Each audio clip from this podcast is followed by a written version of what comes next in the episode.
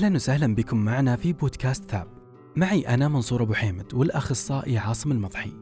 في بودكاست مخصص بالتوعية الصحية.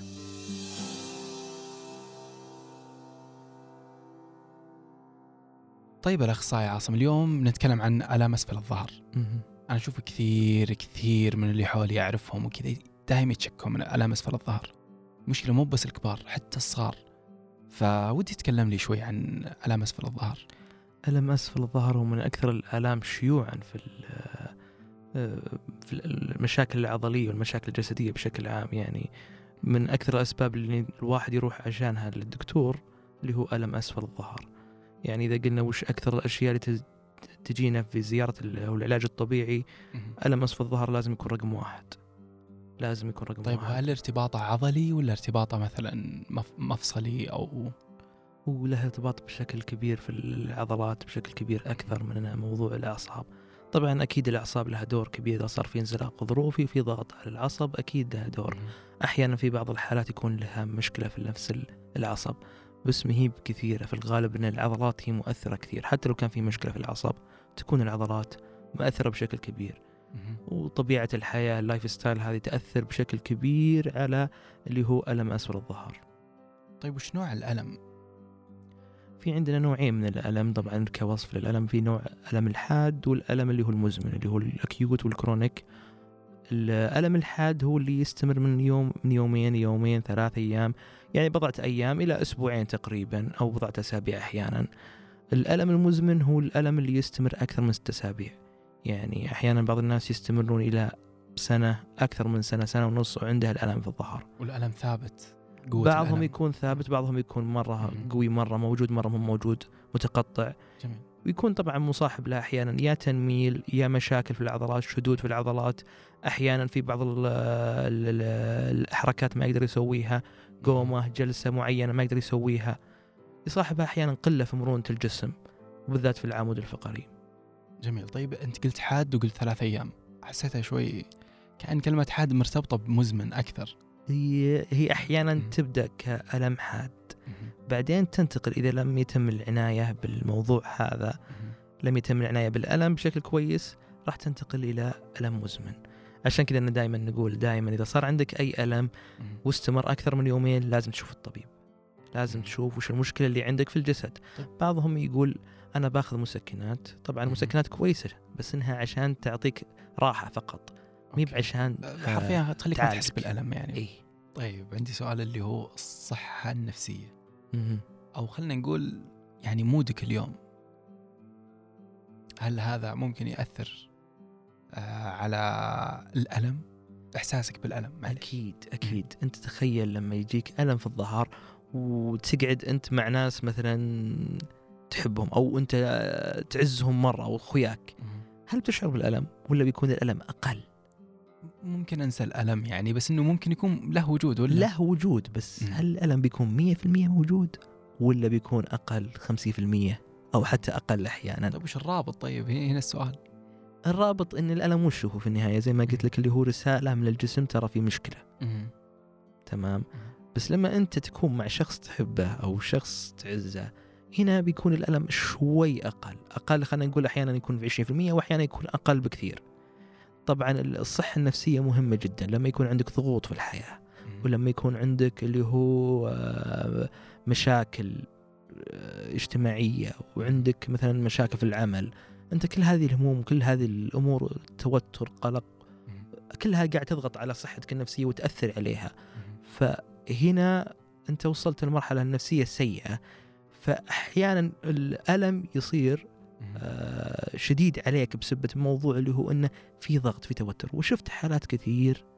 إن الألم النفسي يخليهم ما يتعافون حتى بسرعة أوه فعنده صدمة نفسية خليني أقول.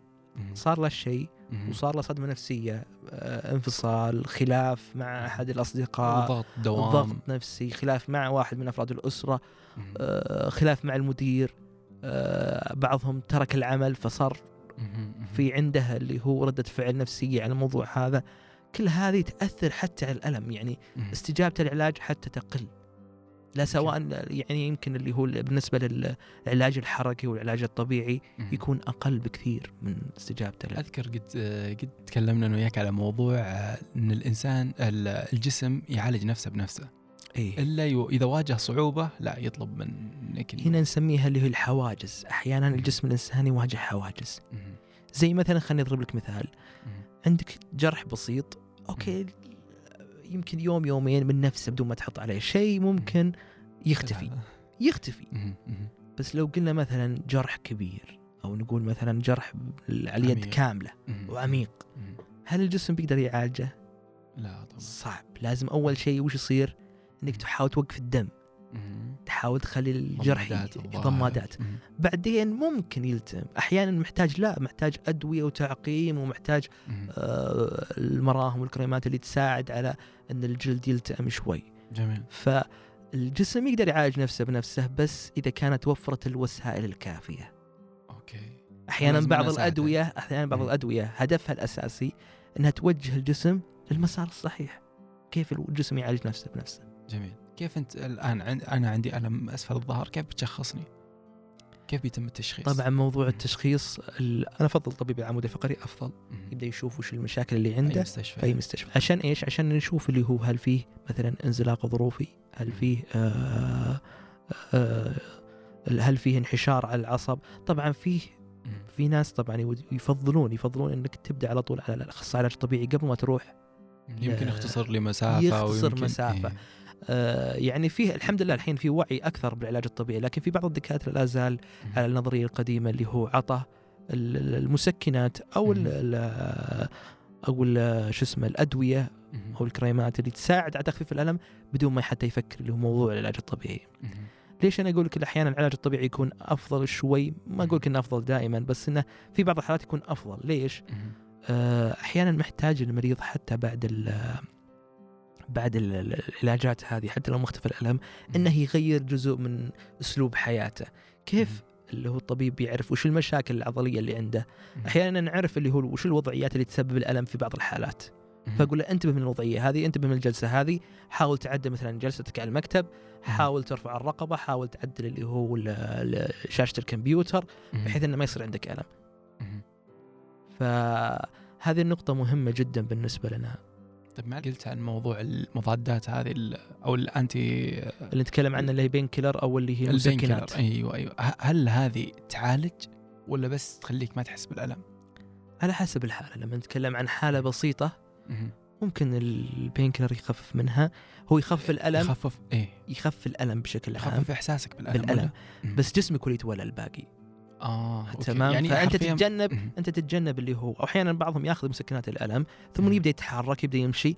عضلات الظهر تبدأ تفك ترتخي فيختفي الألم. يعني هو بس حرفيا يخليك ما تحس بالألم عشان الجسم يشوف شغلة يعني. أيوه مم. بالضبط. كأنك أنت قاعد تسكر عليه الباب وتقول خليك هنا. أيوه. ما أبغى أسمع صوتك.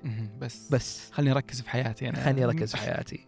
في. ناس صار عندهم الألم بسبة اللي هو إن الفقرات عندهم فيها مشكلة. فمع مع فترة طويلة وجلسة خاطئة.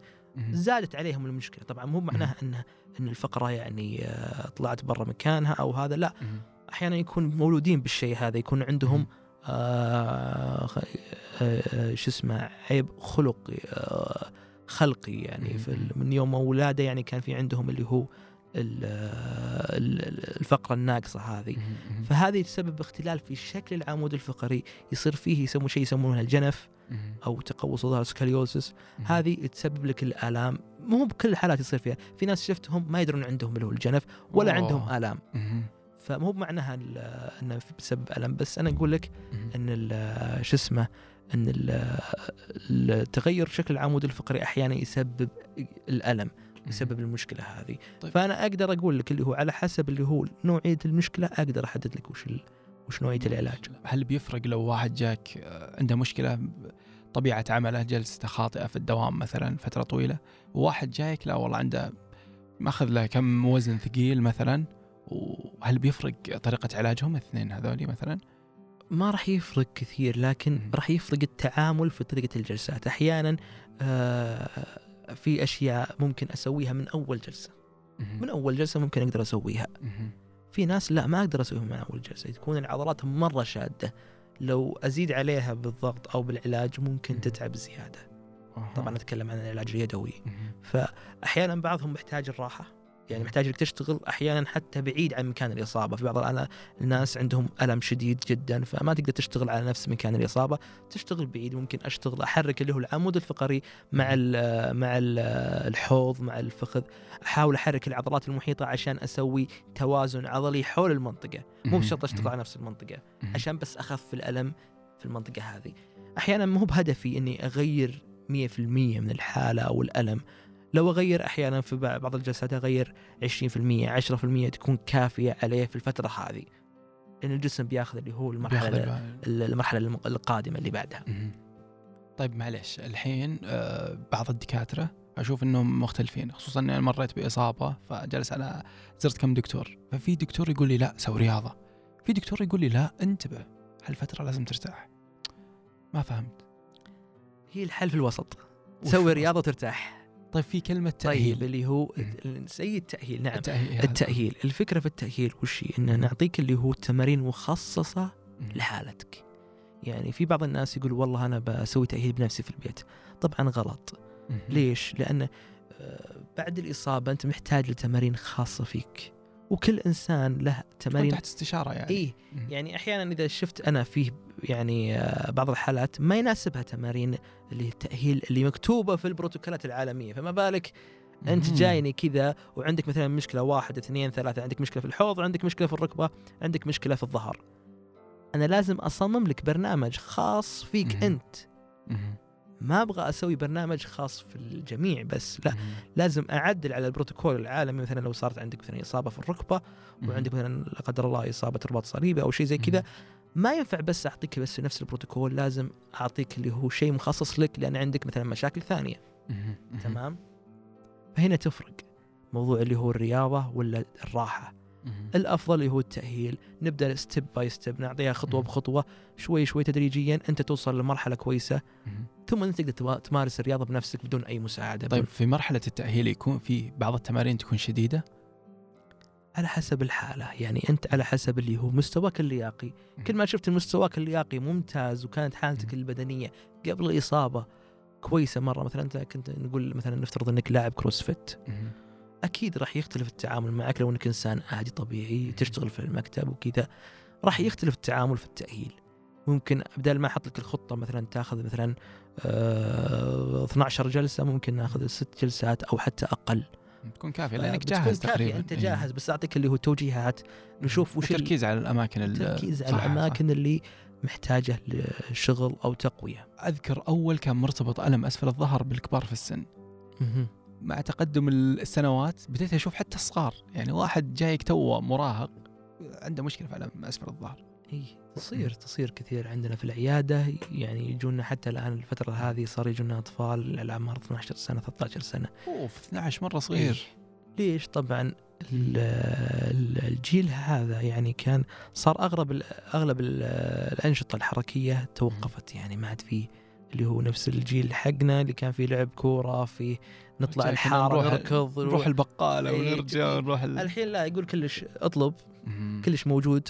حتى اللي هو موضوع ال- الألعاب الحركية قلت بشكل كبير ما خل عنك الألعاب اللي يكون فيها كورة.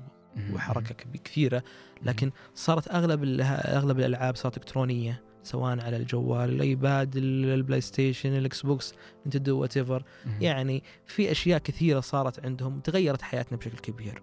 صارت اللي هو لأن مع الرفاهية الجديدة هذه اللي. صارت عندنا صار آلام الظهر توصل لأعمار صغيرة جدا بسبب جلساتهم الخاطئة يعني وقت ال... مو هو بجلسات خاطئة خلينا نقول جلسة طويلة يعني آه. حتى لو تجلس جلسة خاطئة بس فترة بسيطة ما راح يضر جسمك لو أقول لك اجلس دقيقة واحدة وراسك رجلك فوق وراسك تحت. هل بيزعجك هذا دقيقة ما راح تزعجك. بس لما أقول لك ثلاث دقائق شوي بتزعج تبدأ شوي خمس دقائق لا بتنزعج أكثر. عشر دقائق لا تقولي ما أقدر أتحمل. فهنا الفكرة أنه ما فيه جلسة مثالية أو جلسة صحية مهم. يعني في جلسة خلينا نقول أقرب للمثالية أو إنها تكون اللي هي تكون الظهر شوي مستقيم تحاول تعدل اللي هو جلستك على الكرسي وتحاول كل نص ساعة كل آه، ساعة تحاول تتحرك. الأفضل تقريبا نص ساعة 20 دقيقة نص ساعة إنك. تتحرك. ذكرتني بتقنية البومودورو. تقريبا هي 25 دقيقة. 25 دقيقة يلا غير. اي طيب جميل. أنا جيت والله رحت عند حقين العلاج الطبيعي. أعطاني 12 جلسة. ما حسيت بفرق. ليش ما حسيت بفرق؟ ليش طيب. ما أحس بفرق؟ هنا نرجع لموضوع اللي هو شو اسمه الخطة العلاجية. أحيانا نحط الخطة العلاجية. لما نتكلم في العلاج الطبيعي أقول ترى 70% من من العلاج ترى عليك 30% من العلاج علي أنا. تمام؟ في بعض ال- الحالات يكون اللي هو ال 12 جلسة ما تكفيهم. لأن جسمه عنده مشكلة واحد اثنين ثلاثة لما يصير في أكثر من مشكلة. آه، والعضلات تكون ضعيفة يحتاج وقت عشان يتعافى آه، في بعض المقالات تقول أن أحيانا الجسم الإنسان عشان يتعافى. ياخذ له إلى سنتين أنت تتكلم عن إيش. تقول 12 جلسة طبعا أكيد ما في السنتين أكيد أنها. خلال شهرين أو كذا أو شهر أحيانا ف 12 جلسة أحيانا مو بمقياس يعني في ناس يجون عندي جلسة واحدة يطلع. متعافي. بس هذا ليش طبعا طلع من عندي متعافي واختفى الألم نهائيا في جلسة واحدة. وش السبب؟ آه السبب أنه هو إنسان رياضي هو يمارس الرياضة. جسمه جاهز للعلاج. هذا أفضل أفضل وصف له أن جسمه جاهز للعلاج. في ناس جسمهم يعني أول الإصابة تكون حقتهم قوية. عشان كذا أقول لك دائما نربط الألم مقدار الألم ومقدار الصحة الجسدية قبل الإصابة مهم. بال آه، بال آه، بالخطة العلاجية. مهم. لأن الخطة العلاجية مهمة جدا. ترى أحيانا الخطة العلاجية هي اللي تفرق في, في تأهيل الشخص وتحسين حياته تماما. يعني الخطة العلاجية أحيانا تحول شخص آه، من مصاب إلى شخص آه، آه، عادي طبيعي تماما. أنا أتذكر مهم. في حالة ذكرتني أنت فيها. جاني يمكن إصابة عنده كسر بعد حادث وكذا. جاني بعد سنة ما يقدر يمشي. طبعا يمشي خطوات بسيطة. مهم. قلت أنت وش سويت في العلاج الطبيعي؟ قالوا يقولوا لي اعطوني أعطوني العكاز وقالوا لي امش بس لا تمشي مسافة طويلة امشي على مسافات بسيطة وبس. أيوه. ما علموه كيف يمشي كيف طريقة المشي. ما أعطوه تمارين يسويها ثانية لل- للرجلين. ما جلس مع مختص وقتها.